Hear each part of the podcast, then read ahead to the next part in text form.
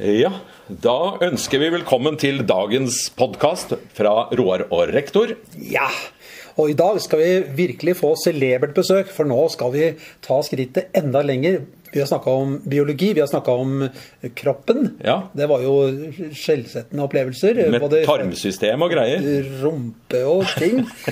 og så har vi snakka om skjelettet, Ja. og vi har snakka om sex og samliv Ja. ut fra et maskulint synspunkt. Ja, riktig. Eh, Nå skal vi om eh, biologi og om sosiobiologi.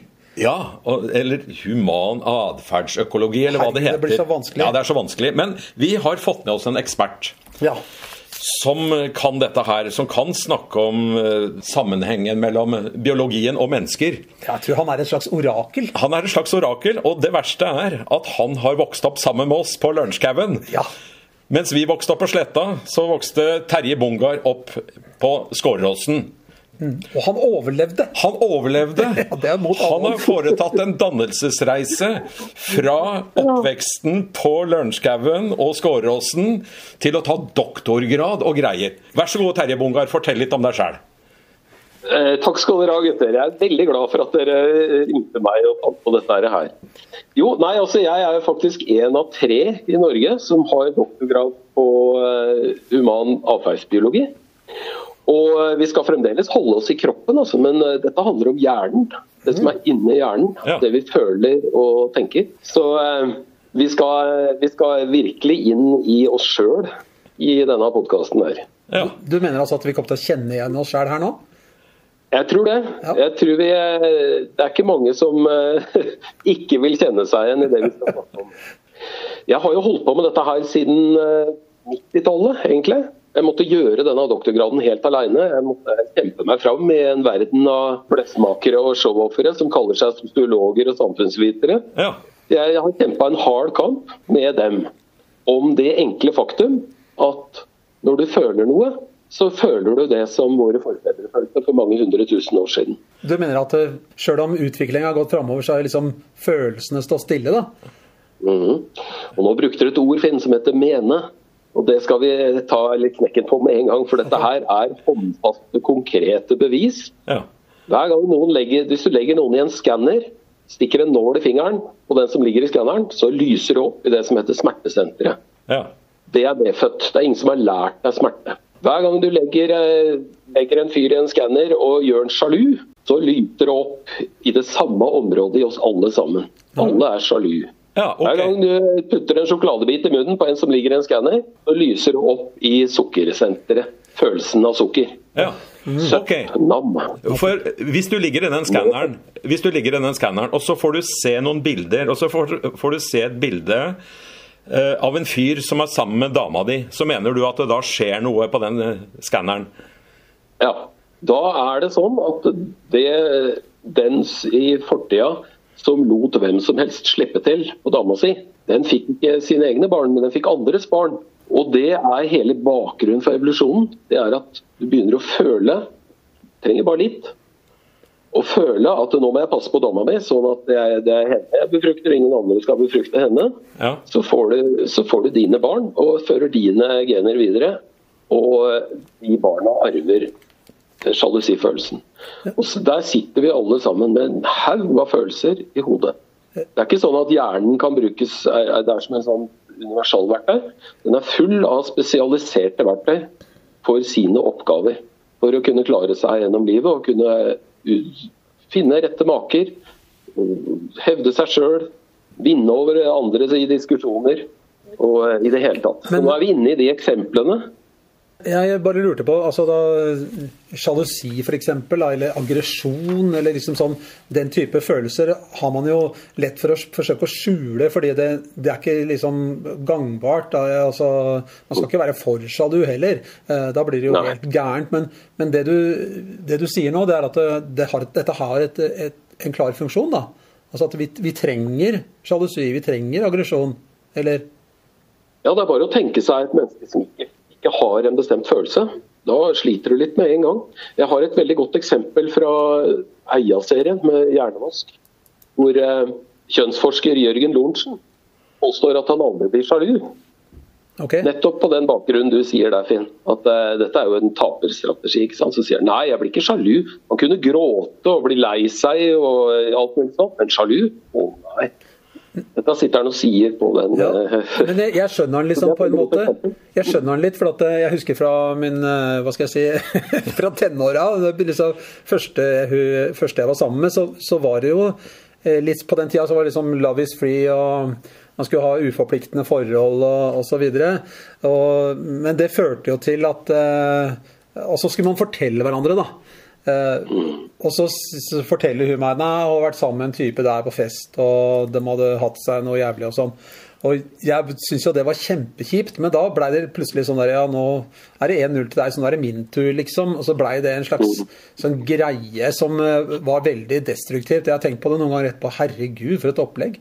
Ja, for det var, det var jo ikke særlig stuereint å si at du var sjalu eh, på 70-tallet med seksuell frigjøring og Nei. alle skulle ha seg med alle, ikke sant? Nei, altså, men Der ser du eksempel på hva som skjer hvis en kultur presser en atferd ned over menneskene som vi egentlig ikke er evolvert for. Da blir det konflikter med en gang. Det er vanskelig å forholde seg til. ja. Jeg, har et, eh, jeg husker jeg var, eh, hørte på en av de store kanonene innenfor menneskeatferd. Han heter David Butt og skriver veldig mye om, eh, om dette med makevalg. Han, han fortalte det, han var jo en eldre kar da, at det de opplevde på 60-tallet i California, hvor det var fri eh, altså Det var jo helt fantastisk for oss gutta, sier han. Men det var jentene som sleit mest. ja. Ikke sant? For det, her kommer kjønnsforskjellene inn veldig tydelig. Det kan vi kanskje komme litt inn på senere. Men, Ja. mm. Men eh, så det du sier er at følelsene de har en funksjon. Eh, og du må ha en riktig miks av følelser på en måte da, eh, i forhold til omgivelsene dine. Du må ikke være for aggressiv, men du må være litt aggressiv, sånn at du kan, sånn at du kan slå ut konkurrenter. Men Ja. hvis du er for det, hvordan, du, hvordan du reagerer på følelsen, Roar, det er der det ligger, skjønner du. For det, det kalles strategivalg. Ok. Du, du, du sier et sted i boka di, eh, det, det biologiske mennesket, eh, at følelse, følelseslivet er selektert for å vurdere folk, for å vurdere handlinger og for å vurdere oppfatninger som gode eller dårlige, ut ifra hva som er attraktivt, og som kan gi ressurser og status. Kan du utdype det litt? Grann? Ja, Da er det litt av de, de vanskelige følelsene som vi var innom nå. Nå gikk vi liksom rett til dem. Med, med å hevde seg sjøl og kupere andre og janteloven. og eh, Egen lykke er bra, men andres ulykke er heller ikke å forakte. Det er Mange sånne uttrykk som vi kjenner oss igjen i, ikke sant? som Ja. handler om det, det du trakk fram der. Som, eh, som er liksom det Jeg har prøvd å løfte det fram litt i boka mi. Veldig hyggelig at du nevner det biologiske mennesket, som nå har solgt snart 3000 og er en eh, Ingen andre har skrevet en sånn bok i hele verden ennå, kanskje dere veit det. Nei, Den finnes ikke på engelsk. Ja, du store Men i hvert fall Ja, ikke sant? Gutten fra Skåleråsen. Hey! Ja, ja. ja. Flott, den. Ja, snakker vi om sport. Altså Det der med å løfte fram de litt høyere funksjonene vi snakker om nå, de der er liksom de det som er litt vrient for oss, det der med å vinne diskusjoner og sånn, det sliter samfunnsforskere med. Ja. Det er så vanskelig for dem å akseptere. fordi vi, vi er også født med noe vi kaller for fri vilje.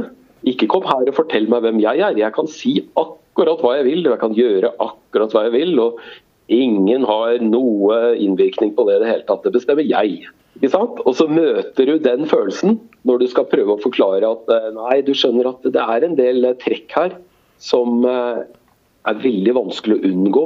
Når du ser bare på disse diskusjonsprogrammene på TV. Ja. Se hvordan de påfuglekampene foregår mellom å vinne diskusjonen. Det er, ikke så, det er egentlig ikke så nøye å ha rett hele tida. Det er bare du klarer å være flink altså, å vinne diskusjonen. Det er viktigere å vinne Ja. diskusjonen enn å ha rett. Riktig. Så, så det å, å vinne over andre, da, det, det skaper en form for attraktivitet eller noe sånt? da? Det gir en Ja. slags status? Nå kom du inn på det som er poenget, nemlig at det vi ser etter i partnerne, det jenter ser etter, la oss ta det først, Ja. det er om gutta er noe. Om de stikker seg ut. Om de, eh, akkurat det vi sitter og gjør her nå, f.eks. Dere lager podkaster og ser, hører på oss og vi kan ting og sånn. det følger jenter med på. Yes. Så vurderer de det, sjekker det ut. Eh, De som står på en scene, de som vinner diskusjoner, de som gjør også sprø ting. Herostratisk berømmelse er akkurat eh, nesten like bra som, Ja. som å bli en helt. Ja. Og Facebook og, og internett er jo fullt av det. fordi at nå er det jo veldig vanskelig å bli verdensmester i noe. For det er jo alltid noen som er flinkere enn deg. Ja. Så hvis du gjør vanvittige ting, gale ting, så kan det være like bra. Ja. Og så sitte og klemme melk ut av øya, eller, eller hoppe med sykler og slå seg og hoppe fra tak og alt mulig. Så de rare tinga, den jackass-kulturen, Ja. som det heter, Men du, den er, kan være like, like attraktiv. ja. Nå, eh, nå følte jeg meg litt sånn treffig her. Jeg følte meg skikkelig avslørt, jeg. Ja, for at ja, ja, Nå sitter vi her og lager podkast, og det er, er det liksom for å få høyere status blant kvinnfolka? Eller jeg har jo også stått på scene mye. Eh, Du har jo vært til stede et par ganger og spilt i Trondheim. eh, Og hørt på bjelleklang. Ja. Ja. eh, og mm, jeg husker det, spesielt en gang du Jeg husker ikke hvor vi spilte hen da, ja, men det var iallfall i garderoben etterpå eller noe slikt. Altså, hvor du drev nesten og gjorde notater når du holdt på med oppgava di. Eh, Ja, fantastisk. Ja, det var, det var så stilig. Jeg, jeg, jeg husker jo det, det var den Kort ved øra-turneen deres. Ja, det Hvor dere tok opp folk på scenen og klippte dem med skalla. Og jeg var jo en av de. Og jeg husker jeg, jeg skulle være med og se på dere der, og dere gjorde dette her. For først var det fryktelig sløv, den der maskinen, så du sleit veldig med å få håret av huet på meg. Håret som var så tjukt. Ja, men det som er interessant her, etterpå, når jeg gikk ned fra scenen, så satte jeg meg ved et bord sammen med den andre som ble klippet, Kjetil Hustad for øvrig. Og plutselig så var det ti damer altså, rundt oss og lurte på og skulle sette seg ned og skulle snakke, og satte seg ved siden av oss. Og jeg hadde akkurat spist, eh, spist noe mat med noe vanvittig med hvitløk. Jeg stinka hvitløk så det sto en vegg rundt meg. Men det brydde de seg ingenting om. Nei. Og jeg gikk i den gamle feltbuksa mi, husker jeg, jeg hadde akkurat vært på, felt, på felttur. Jeg så ikke ut, og jeg stinka som en dass. Og var en gubbe på da, som da nærmer Jeg husker ikke hvor gamle vi var da, det var i 40-åra kanskje. Ja, men Men det, det sa bare klikk, altså. Og det er liksom Det, det er som sukker for, eh, for, for eh, jenter, altså. Er du noe? Har du stikket deg fram? Har du stått på en scene? Har du gjort noe? ja. Det er helt utrolig, altså. Ja. Så, så det, at Det du, jo- at du, det at du sto på en scene og gjorde noe gærent, da, det Ja. økte på en måte din attraksjonsverdi, på en måte, da, eller? Ja, altså, Det betyr nesten ingenting hva du gjør, bare du er synlig. Og Det var jo en suksess da, i og med at alle flira og lo, og det var kjempegøy. og Det var, liksom, det var kjempestemning. Så i, i og for seg så var det en suksess. Så det, det, er bare, det var en fascinerende opplevelse som jeg tok med meg videre. For det, det var så Så det å spille i et band, da, det er på en måte du tar på deg påfuglfjæra dine, da, på en måte, og viser deg fram? du, du stikker deg litt foran andre menn. Du, du er- blir litt mer synlig. Ja. Og det er attraktivt for jenter. De, de, som, de som gikk etter som satt i en krok og ikke gjorde noe, og satt der og sa nei, jeg er vel ikke verdt noen ting. De er borte, altså. Ja. Men de som fant på et eller annet, lagde seg fløyta bein eller slo på en trestamme, eh, snakka, var flink til å dupere andre, humor, alt mulig sånn, det var nok, altså. Ja, og Og vi vi, er etterkommere av dem. Og vi- det er faktisk hele hjerneevolusjonen. dere. ja, Dette er grunnen til at vi sitter med den 1,5 kilo på toppen av huet vårt. Ja. Som er full av de tinga vi snakker om her. ja. Så vi er altså Bare er selektert for å få til dette her.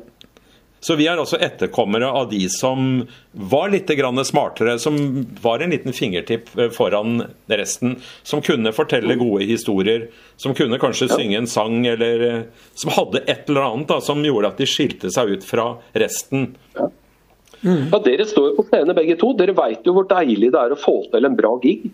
Ja, Og kjenne at det er gjort det bra, og folk har stått og hoia og skrike. og det er, det er en god følelse, ikke sant? Jo. Det er en belønningsfølelse. ja. Men det er jo Det en, på mange måter et ubevisst valg. Altså, når jeg, jeg begynte på skolen et år for tidlig. Jeg var liten og tynn. Eh, Jeg hadde ikke noe på en fotballbane å gjøre. Jeg fikk latt litt panikk når ballen kom. Jeg husker ikke helt hva jeg skulle gjøre for noe.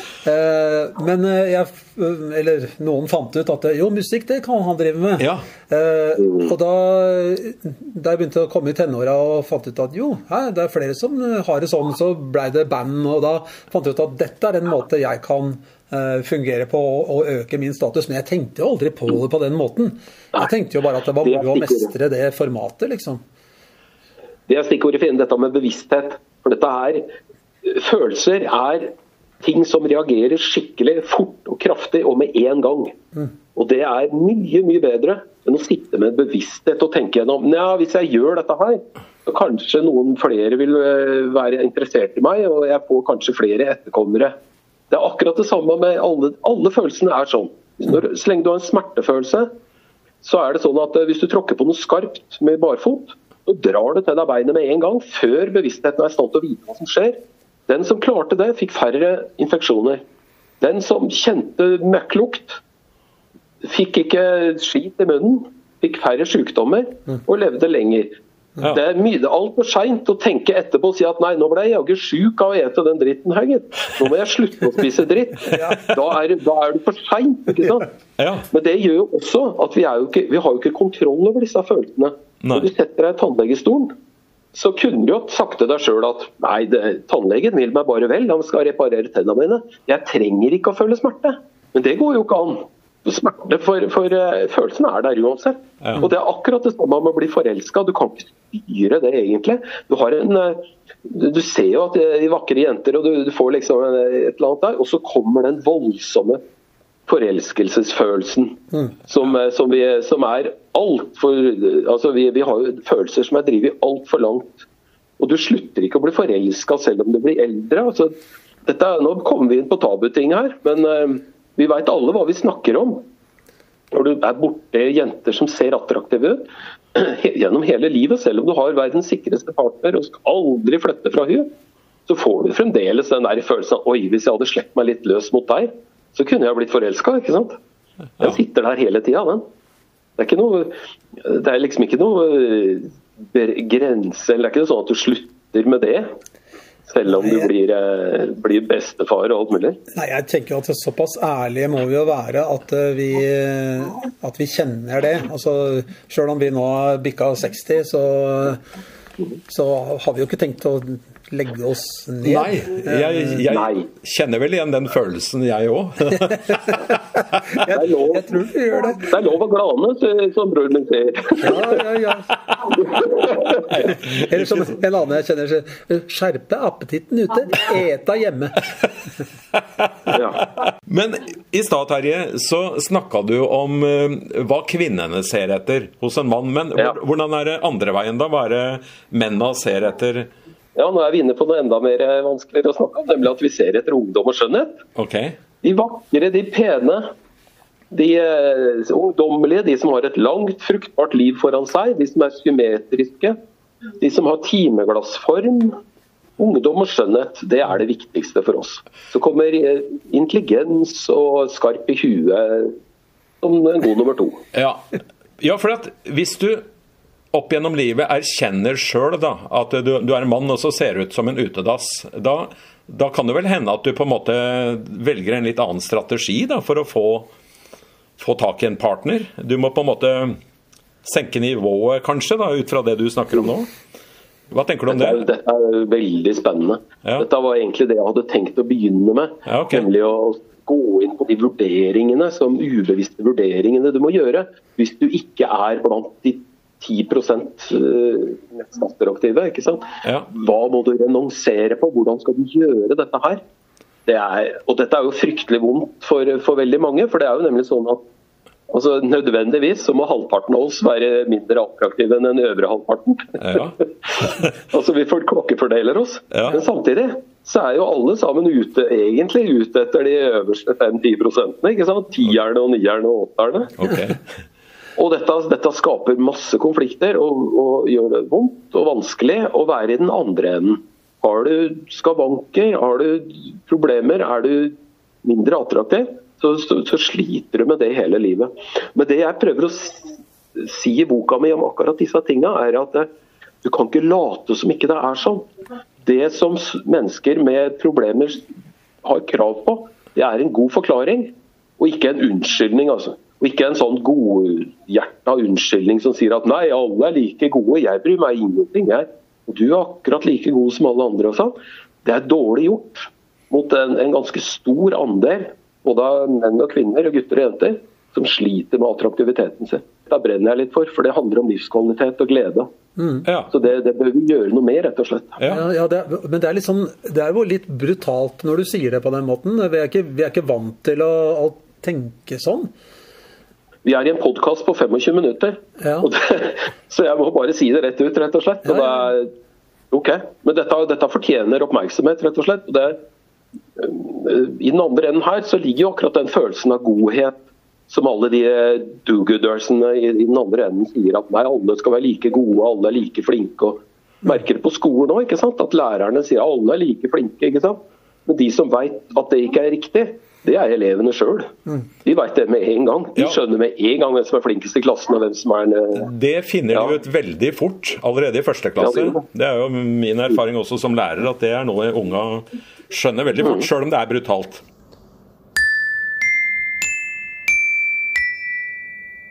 Du hører på podkasten Roar og rektor. En ting du nevner i boka di, det er dette som kalles handikap-prinsippet. Hva, hva, hva går det ut på, egentlig? Ja, Det er veldig spennende. Hvis vi har tid til å dra den historien om den, eh, den eh, eksempelarten Ja. som han som fant på det navnet, brukte. Ja. Han, eh, han er en, en israeler som Ja. ja. forska på en fugl nede i ørkenen i Israel som heter araberskriketrost på Ja. norsk. Ja. En liten prossestor fugl som lever i flokk. Og eh, hvor det er veldig kamp, selvfølgelig, om å være enerhann og enerhund. ja. Og det som skjer der, det er, vi, vi må gå- liksom gå rett på, på saken. De lever altså i en flokk som spiser mat inne i sånne buskas. Sitter inne i buskaset og er veldig plaga av en hauk som kommer og, og forsyner seg av dem hele tida. Men det som er interessant der, er at hvis du kan klare å sitte vakt De må ha en vaktpost, nemlig. De sier ifra.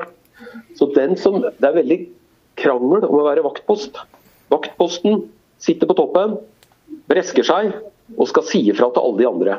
Og Det er selvfølgelig den farligste posisjonen av alle sammen. Men det tør enerne. De setter seg der. ja. Og hvis noen prøver seg av de andre, av, beta, av de lavere stående individene, prøver seg å sitte vaktpost, så kommer eneren opp, har gjerne med seg litt mat i nebbet, og så tvangsforer han denne her sleipingen som prøver å være enig.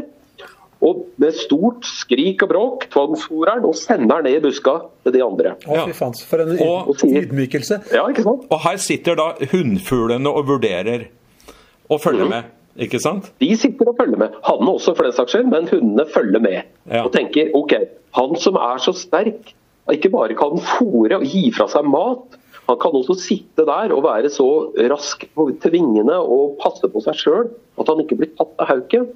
Det skal være far til mine barn, Ja. tenker hundene. ja. Ikke sant? Eller så- instinktivt. Ja, ja, følelsene Ja, ikke sant. Hva, da sitter jeg altså de, de hundene som er etterkommere av de som valgte den, Ja. fikk flere etterkommere. Ja.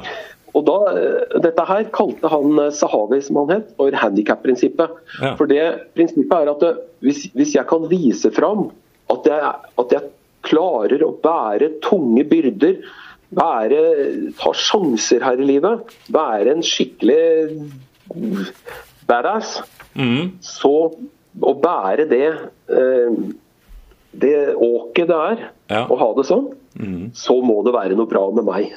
ja. Og det, det, dette er jo en, et atferdstrekk hos den fuglen, ikke sant? men det vanlige er jo å finne det som sånn påfuglfjær, de eh, spekket til, til sjøelefanter, eh, masse sånne trekk rundt omkring, Ja. som handler om å bære en byrde Ja. som, som, eh, som egentlig er litt dumt å ha, Ja. men som samtidig viser at dette må være gode gener. ja. Det lønner seg å satse på meg. Gevirer. ja. Svære gevirer, ikke sant. Bare i veien. stort. Bare i veien, ja. Ikke sant? Ja, det koster, det koster å danne dem. Ja. Du må, må gro de der i svære greiene. Det tar masse kalium, masse energi fra kroppen. Og mitt poeng er jo at hjernen, det er vår påfuglehale. ja. Den menneskelige hjerne, ja. Nå har dere et, sikkert et spørsmål Ja, til det vi har sagt så langt. Jeg har et spørsmål, for jeg har også kikka i boka di, nemlig. Ja. Eh, Og det er at eh, Jeg kan huske du hadde et, et, et eksempel der som, som handler om ikke nødvendigvis å være best, eller være på nummer én på pallen, men at du er liksom litt bedre enn han ved siden av. Eh, og dette foregår langt nord, skjønte jeg. På Svalbard. Ja. Ja, ja. Jeg, jeg bruker en ørliten historie som jeg hørte en gang av en, en fyr. som det var For å illustrere hvordan evolusjon virker. Du, du trenger altså ikke å være verdensmester, du trenger bare å være litt bedre enn de rundt deg. Så, så beskrives det som de to isbjørnforskerne som drar til Svalbard. Og den ene har med seg piggsko. Med det formål å eh, komme seg unna isbjørn. Og han andre sier i all verden, du kan jo ikke løpe fra en isbjørn. Er du gæren? Den løper i 60 km i timen, du har ikke sjans. Nei, men jeg trenger ikke det, sier den andre. Jeg trenger bare å løpe fra deg. Ja. Så har vi da et bilde i boka av han eh, som ikke har piggsko. Han blir da spist av isbjørnen. Ikke sant? Mens han med piggsko stikker av og eh, får den nødvendige minuttene Ja. for å komme unna isbjørnen. Ikke sant? Så vi er etterkommere av de som skjønte at de burde ha med seg piggsko. Vi skal over på et tema som, eh, som du skriver om i boka. For at du, på en måte, du forlater jo biologien på et område og går over på samfunnet. Hvordan vi organiserer samfunnet. Og at du snakker om at sånn som vi holder på i dag, eh, så er ikke utviklinga bærekraftig. Eh, Vi kan ikke fortsette sånn som vi gjør nå, men vi, vi fortsetter å gjøre det vi gjør fordi at det er følelsene som styrer oss, det er egoismen osv. Kan du Ja. gå litt inn på det temaet der? Eh, Det, det du kaller Ja. evolusjonær samfunnsanalyse. Ja. Det er, altså, det er to-tre ting her vi må henge det på. Det ene er det du sier om at vi kan ikke fortsette som vi gjør. Det er vi ganske enige om nå. Det er helt åpenbart at hvis vi skal fortsette sånn som vi gjør nå, så, så må, trenger vi fem jordkloder. Ja. Og Det som er faren med det, er at eh, de systemene som skal fange opp og, og gjenskape livsgrunnlaget vårt, de er i ferd med å bryte sammen. fordi at artene blir borte. og vi klarer ikke å, Naturen klarer ikke å fange opp alt det vi slipper ut, og resirkulere det og sende det tilbake igjen i den hastigheten som vi trenger for å leve. Det er det ene. Og så er det det med Du, du, du liksom du, ok, du sier at jeg forlater um, biologien, liksom, eller oss, og så over i noe samfunn. Der, der ligger liksom litt av styrken, tror jeg, som det jeg har klart å få til. Nemlig at jeg har klart å sy det sammen. Okay, Ja. I, på 50-tallet så var det en som het CP Snow som definerte det store gapet mellom samfunnsfag og naturvitenskap. Og det gapet, det er nå lukka. Det går fint an å se for seg at vi som mennesker nå, vi er individer som har levd i Afrika, eller våre forfedre levde i Afrika i små grupper i en uendelig verden. Det var bare å flytte to kilometer, så var det urørt, og det var mat nok i alle bauger og kanter. Til at vi nå sitter og, og er så mange at vi er i ferd med å tømme. Men vi er fremdeles sånn at vi tenker på oss sjøl, vårt lille jeg og vår familie, de nærmeste. Akkurat det, det som er rundt oss.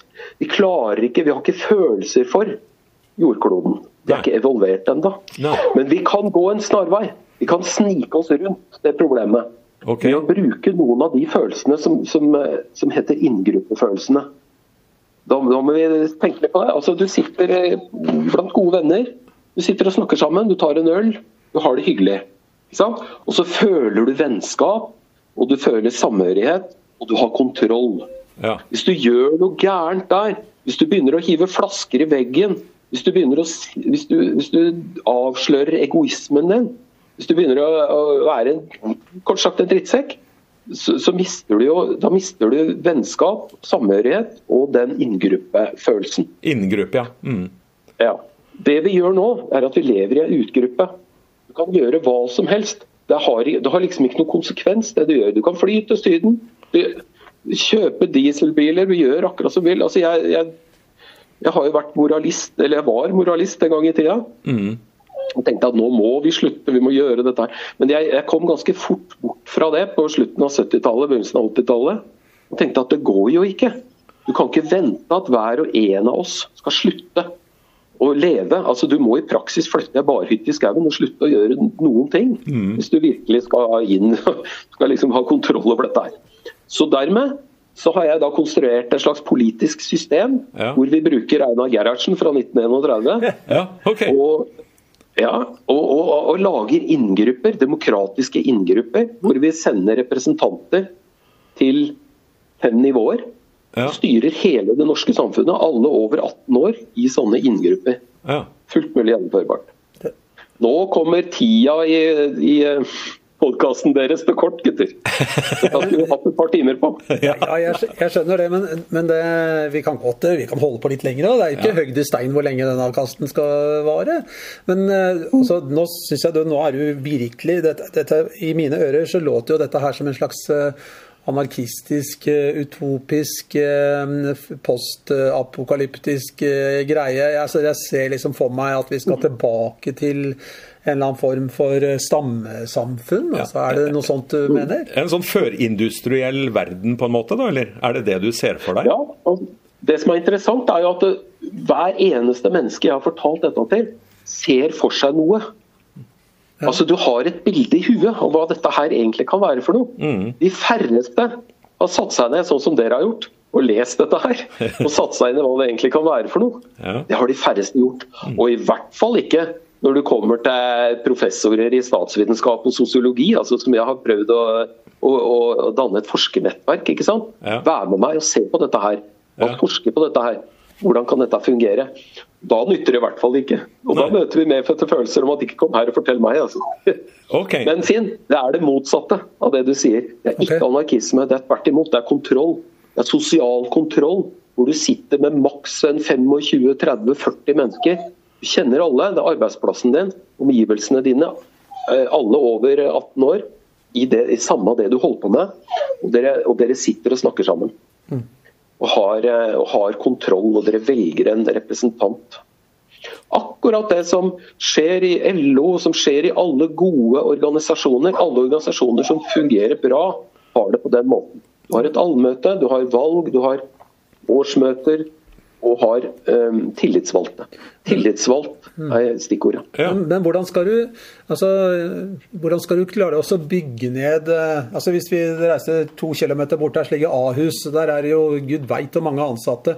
Hvordan skal du klare å liksom, uh, få dette til å bli en enhet? altså med en, en, Få dette til å bli en inngruppe? da? Må du splitte opp hele greia, eller hvordan er det du ser Ja, for deg? det må du ha. Da må du ha Du kan ikke ha mer enn en 25-30-40, kanskje 50 i hver gruppe. Så hvis det er 2000 ansatte, så er det bare å regne på hvor mange inngrupper det blir.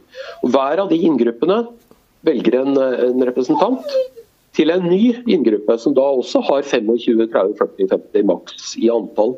Så organiserer du det på den måten. Og så bruker du internett til referater. Du, eh, har forslag, du kan stille forslag, du kan ha mistillitsforslag til den tillitsvalgte. Bruker alle de mekanismene som Einar Gerhardsen beskrev allerede i 1931.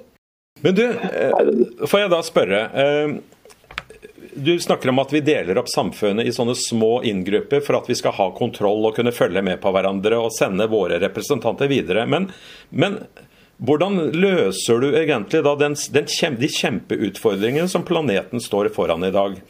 Med, med klimautfordringer, overforbruk av ressurser. Hvordan får du, får du liksom spranget fra de små inngruppene over til å løse de der store utfordringene som vi har i verden med bærekraftig utvikling?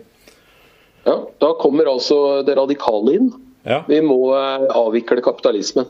Vi kan ikke ha det sånn at det sitter enkeltindivider og eier eh, titalls milliarder kroner og bestemmer hva som skal produseres, hvor det skal produseres, og bestemmer at det skal tas ut så og så mye for å, for å, for å produsere penger. Altså. Det må vi ta bort. Og jeg ser for meg, altså nå som sagt, Dette tar litt tid, vi må diskutere det litt Ja. oss imellom her. Ja. Men det er faktisk sånn at hvis du slipper å tenke lønnsomhet, hvis du slipper å tenke at dette her skal selge for profitt, Ja. så kan du faktisk gjøre det sånn at vi produserer det i antall kjøleskapene vi trenger. Og så stopper vi der. Og vi kan lage dem så gode at de varer i 200 år. Så stopper vi der. Ja. Da trenger vi ikke å produsere flere kjøleskap på mange år. ja. Og så kan vi gjøre sånn med det meste av produksjonen. All produksjon. Kan vi tenke som så at ok, nå har vi reelt valg. Vi lar være å produsere så mye drit at vi dauer av det. Vi kan la være å produsere all den plasten. Vi kan gå ned på dette her. La være å gjøre så veldig mye av dette her. Og så kan vi velge sjøl. Hvis det er sånn at vi ønsker å kjøre oss til døde, ok, da skal det i hvert fall være demokratisk bestemt. Ikke at en eller annen eh, Vitsø som sitter med 20 milliarder på Hitra skal, skal, skal bestemme dette her, altså. Og, ja. Men uh, altså, det du sier er at på en måte hele det økonomiske systemet hele økonomiske systemet vårt er drevet av en slags Det er jo egoisme, kan du si. Altså, Det drives på profitt for at noen skal ha det. Jeg driver med dette fordi jeg skal tjene penger og skal komme meg til gode. Sånn tenker de som ja. eier dette her da. Men er det, noe, det, er vel ingen parti som vil gå til valg på et sånt program? Altså, jeg bare kjenner her at demokratiet vil jo komme til kort. Ja. Eh, hadde vi bodd i Kina, så kanskje eh, der kunne man sentraldirigert et eller annet og sagt at heretter så blir det sånn. Og sånn og sånn. Det, det er litt vrient å få til her. Har du, ser du, har du noen tanker rundt det? Jeg har, jeg har tenkt uh, på det òg. Ja, okay. Jeg tenker som så at uh, en eller annen gang på 80-tallet så hadde SV noe de kalte to tanker i huet samtidig. Altså at vi, eh, vi, vi blir med på det borgerlige demokratiet, som vi kalte det på den tida. Vi blir med og vi får noen representanter på tinget. Vi prøver å gjøre så godt vi kan. Foreslår noen forbedringer her og der. Men samtidig så har vi et slags mål. La oss skissere hvordan vi egentlig vil ha det. La oss diskutere dette her. La oss sette opp dette her som en plan, og diskutere og diskutere. Sende det ut på høringer blant fabrikkarbeidere, blant leger, blant helsearbeidere. Se hva de sier. Hvordan kan vi få til dette her? Hvordan kan det gjøres? Og så skal vi bruke, Vi kan ikke ha noen revolusjon i betydningen at vi skal ta over. Dette her må være et flertallsvedtak, rett og slett. Vi må komme så langt at vi når vi har tenkt gjennom dette her noen år, så vil et parti som sier at ok, vi, vi, går inn for dette her nå, men da må vi ha flertall, at det partiet får, får det flertallet. Og så, og så, gjør de nødvendige grunnlovsendringene som skal til, og sier at nå er det ikke lenger lov å eie en arbeidsplass. Det er jo en voldsom omlegging. Ja, eh, ja, det er det. Ja, men Hvordan får du med deg folk på dette her? da? For Hvis du skal produsere færre kjøleskap eller produsere færre biler, så betyr jo det igjen at folk vil miste arbeidsplassene sine. Eh, ja, men gjør ikke noe. Det har ikke noe å si. Altså, vi skal ha, vi skal ha samfunnslønn. Skal, vi har en samfunnslønn i bånn på 400 000, et eller annet. Ja. Og så bestemmer vi sjøl om noen skal tjene mer eller mindre. Det bestemmer demokratiet. Så har vi en lønn hele tida. Okay. Ferdig med det. Alle, ja. Det er jo ingen som sulter i Norge. Altså, no, alle, om du går på Nav eller om du får samfunnslønn, det kan være hipp som happ, egentlig. Mm. Så det betyr at når vi har ferdigprodusert biler, ferdigprodusert kjøleskap, så kan vi for det første gå ned til sekstimersdag, eller vi kan gå ned til fire dagers uke. Trenger ikke produsere mer. Lønna di får du uansett. Det er ikke noe vanskeligere enn det. Nei, men, men, men utfordringa er jo at eh, så fort et eller annet parti begynner å Nei, nå må vi kjøre mindre dieselbiler i Oslo. Så, så er det jo en del som reagerer, og du, og du mister stemmer. Så jeg bare lurer på, sjøl om alle ja. ser at det bærer i feil retning med planeten, uh, og så er det det spranget over til at den enkelte da er nødt til å forsake noe. Uh, og... Ja, men det, nå, nå er demokratien i bildet. Nå er det vi som bestemmer. Mm. Nå kan du ikke komme og si at det er byrådet i Oslo som, som, som eh, vi skal gå imot. Fordi at Byrådet i Oslo er sammensatt av tillitsvalgte. Mm. Og Du kan gå inn i din egen gruppe og, og, og sette bundet mandat på din tillitsvalgt og si at nei, dette vil vi ikke være med på. Du har å stemme videre på neste nivå, sånn som vi bestemmer. Og Det betyr at alle de avgjørelsene som er vanskelige, som er problematiske, de blir forankra i et demokrati som gjør at det blir fryktelig vanskelig å komme og si her at nei, dette liker jeg ikke. Du må gjerne gjøre det. Og du må gjerne skrive i aviser, alt for all del. Og partier skal vi selvfølgelig ha. Og vi må ha fri eh, hva heter det for noe? Eh, organisasjonsfrihet, selvfølgelig. Ja. På alle mulige måter, for all del. Resten skal fram. Men, men, du, men alt blir forankra av demokratiet. Tror du at uh, for at en stor velgermasse skal kunne innse perspektivene i det her? Tror du at eh, vi må vente så lenge som at havnivået stiger og Danmark blir oversvømma? Altså, vi vil på en måte få svære eh, katastrofer da, og folkevandringer og, og, sånn, da vil jo dette rykke så nærme at vi, at vi begynner å, å forstå det. Altså, men for, for, sånn som det er nå, så, så vi ser jo ikke noe. Vi ser at det kanskje vinteren er dårligere, og at det eh, regner mer og sånn, men det er ikke noe vi kjenner ikke på kroppen. Er vi nødt til å kjenne det på kroppen før vi eventuelt vil innse en sånn uh, utvikling?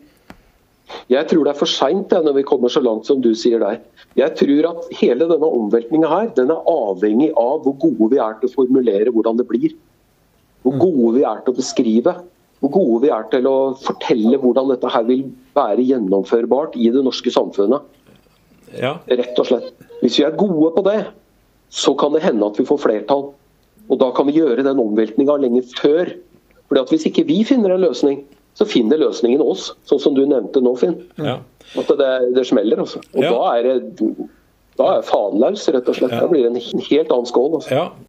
Du Terje, du har i boka di så har du et veldig interessant uh, eksempel fra Påskeøya som på en måte illustrerer uh, hvordan det kan gå med planeten Jorda hvis vi ikke tar noen grep. Kan du fortelle litt om Påskeøya? Hva skjedde der? Ja, På bakgrunn av det vi akkurat har snakka om, så må vi huske på at mennesker er mennesker. Og mennesker har vært sånn i 200 000 år. Vi har tenkt på de nærmeste, vi har tenkt på oss sjøl. Og vi har vært opptatt av å eh, ta vare på eh, kongen vår og lederen vår. Og Det som skjedde på Påskeøya, var at de, eh, det var en to-tre sånne ledere der sånn, som kjempa om status og posisjon.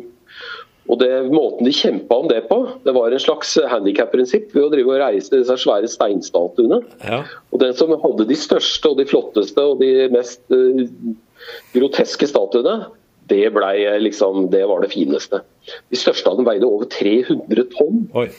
Og At de klarte å løfte det der med bare sånn tau og jute og, og sånne ting, det er helt ufattelig. Men poenget var at den, dette er jo en ganske liten øy. Den er bare 25 km lang og ligger midt ute i Stillehavet, langt fra annen, andre øyer. Det er ganske begrensa ressurser. Men ressursene de gikk med til å hogge trær, så de kunne trille de der statuene og få dem opp. Så de sto nede på stranda og så utover havet av en eller annen merkelig grunn. Så de hogg ned hele skauen, trilla disse statuene og etter en stund så var det jo altså ikke mer, det var ikke mer vilt igjen, det var ikke mer fugler igjen, det var ikke noe å leve av lenger. Så det hele det der samfunnet brøyt sammen. Og de spiste seg sjøl til slutt. og til, når, når han der uh, engelske oppdagelsesreisende kom, så var det, en, eh, var bare en uh, liten håndfull mennesker igjen som levde av det som fantes der. Ja, det... Alt det der bare for å vise seg fram. Ja. Show-off. Så det her er altså et bilde på hva som skjer hvis et samfunn da bruker opp alle ressursene sine. Så til slutt ja. så ender de opp med å spise hverandre. Ja, og Det som var så interessant, det var eh, han, han som skriver om dette her, han sier hva tenkte han som hogg det siste treet? Mm. Du, det, øya er jo ikke større enn at du kan se over den. ikke sant? Ja. Så hadde stort sett kontroll på at nå går det siste i bakken. Ja. Nå har vi ikke flere trær igjen. Nei. Hvordan skal vi gjøre nå? Men han hogg det siste, altså. Og da tenkte han sånn som vi, mange av oss tenker når vi sitter i oss sjøl, at hvis ikke jeg gjør det, så kommer bare noen andre til å gjøre det. Ja. Da kommer bare ja, nabostammetypen og tar det siste treet. ikke sant? Så jeg kan like godt gjøre det, jeg. Ja. Og sånn sitter vi også. Ja. Når vi skal til Syden eller vi skal gjøre ting, og så sier jeg ikke jeg gjør det, så gjør noen andre det. Det hjelper ikke noe hvis ikke jeg gjør det. Ja. Der sitter vi i den lille, lille kretsen som vi er tilpassa å, å tenke på oss sjøl i. Jeg blir litt urolig når du framstiller det sånn. Jeg tenker sånn, Det går jo til helvete med flagget til topps, liksom. Hun der stakkars Greta Thunberg hun stiller jo noen spørsmål eh, eh, og mm. blir jo møtt bare med hva skal jeg si, fra mange statsledere i hvert fall, med huerysting og hun er ikke riktig og, ja. Og, sånn. Men mm. stiller jo akkurat de spørsmålene. Hvordan, hvordan, kan vi holde på sånn? Dette går til helvete. Ja. Eh, og dere veit det, og det gjør det likevel. Derfor så er det vi snakka om i stad, nemlig den demokratimodellen, det er noe vi skal hjelpe Greta Thunberg med. Vi skal legge fram en sånn en, så vi får noe å stemme på. Så vi får noe å diskutere, så vi får noe å gå for. For nå har vi ikke det mer. Vi har ingenting å stemme på. Ingen av partiene på Stortinget er i nærheten av dette her. Jeg hadde gleden av å treffe Bjørnar Moxnes på et, eh, på et Rødt-møte i, i, eh, i, Trondheim her. for et par år siden. Han var selvfølgelig veldig stressa, sånn, men jeg liksom stoppa nå på det og sa se på dette her, Bjørnar. Se på dette her. Skal, er du du sliter med gammelkommunismen, du sliter med dette her hver gang du er på, på TV. Så det eneste um, de politiske motstanderne dine sier, er at du skal jo ha revolusjon, du skal jo ødelegge. Her, kikk på dette her. Les det, se på det. La meg få lov til å holde foredrag for programkomiteen din. Ta meg inn litt, diskuter med meg om dette her. Og Han var jo da stressa og løp hit og dit og flakka med blikk og sånn, men han lovte at de skulle se på det. Om ikke jeg leser det, så skal jeg få noen til å lese det, sier han. Jeg skal gjøre det, jeg skal love deg det. Det lovte meg. Det begynner å bli tre år siden eller noe sånt nå. Jeg har ikke hørt en dritt. Da har jeg mast på Rødt direkte og sagt at dere er kanskje det eneste partiet som er i stand til å tørre å diskutere dette her. Jeg tror ikke SV tør dette her lenger. Og MDG er hinsides, for der er det altfor mange raringer inne i bildet som, som, ikke er i stand til å ta dette her. Jeg, jeg, jeg tror faktisk at de unge i Rødt det har kommet en hel ny generasjon som ikke er AKP-hekta lenger. De er i stand til å kunne gjøre noe med dette her. Ja. Jeg, jeg, må jo si eh, til alle lyttere av denne podkasten, er det ei bok dere bør kjøpe og legge under juletreet, så er det 'Det biologiske mennesket' av Terje Bongar. Mm. Det, det, er en av de mest interessante bøker jeg noen gang har lest. Ja visst, for den rokker på en måte ved både etiske problemstillinger og, ja. og, og framtidsvisjoner og demokrati. Og det er helt sånne fundamentale ting som sitter dypt i ryggmargen min, i hvert fall. Ja. Eh, når han begynner å stille spørsmålstegn ved det. Ja, og, og, du forklarer hvorfor vi fortsetter å holde på sånn som vi gjør. Hvorfor klarer vi ikke å komme ut av denne galskapen? Det er det jeg syns du får fram på en sånn innmari bra måte. Mm. Tusen takk. Men du vet, dere er kompisene mine, gutter. Ja, er, jeg har kjent dere i 50 år. Vi er, i, vi er i samme inngruppa. ja, ikke sant. Det er mye, mye vanskeligere å få i tale en, eh, en professor i sosiologi som har bestemt seg for hva han har tenkt å si her i verden. Og, eller som Else Mitslett sa, definerte en gubbe. -hmm. Det er en som har tenkt i tankene han har tenkt å tenke, og har ikke tenkt å tenke flere. det, er, det er en professor altså, i sosiologi. Og da, da, Du kommer ikke gjennom skallet hans uten, uten å, hvis ikke du er venn med ham. Men dere er vennene mine, og dere har lest, og jeg setter veldig pris på det dere sier. Det er fryktelig hyggelig. Ja. Det, det, det, her syns jeg vel var en bra avslutning. Ja, ja, ja. ja, ja. Mm. Takk skal du ha, Terje Bungar. Fra Skåråsen, Lørenskauen. Og Trondheim. Og Trondheim. Ja. ja. Stilig. OK. Ha det. Ha det. Roar rektor. Roar rektor. Roar rektor. Roar rektor.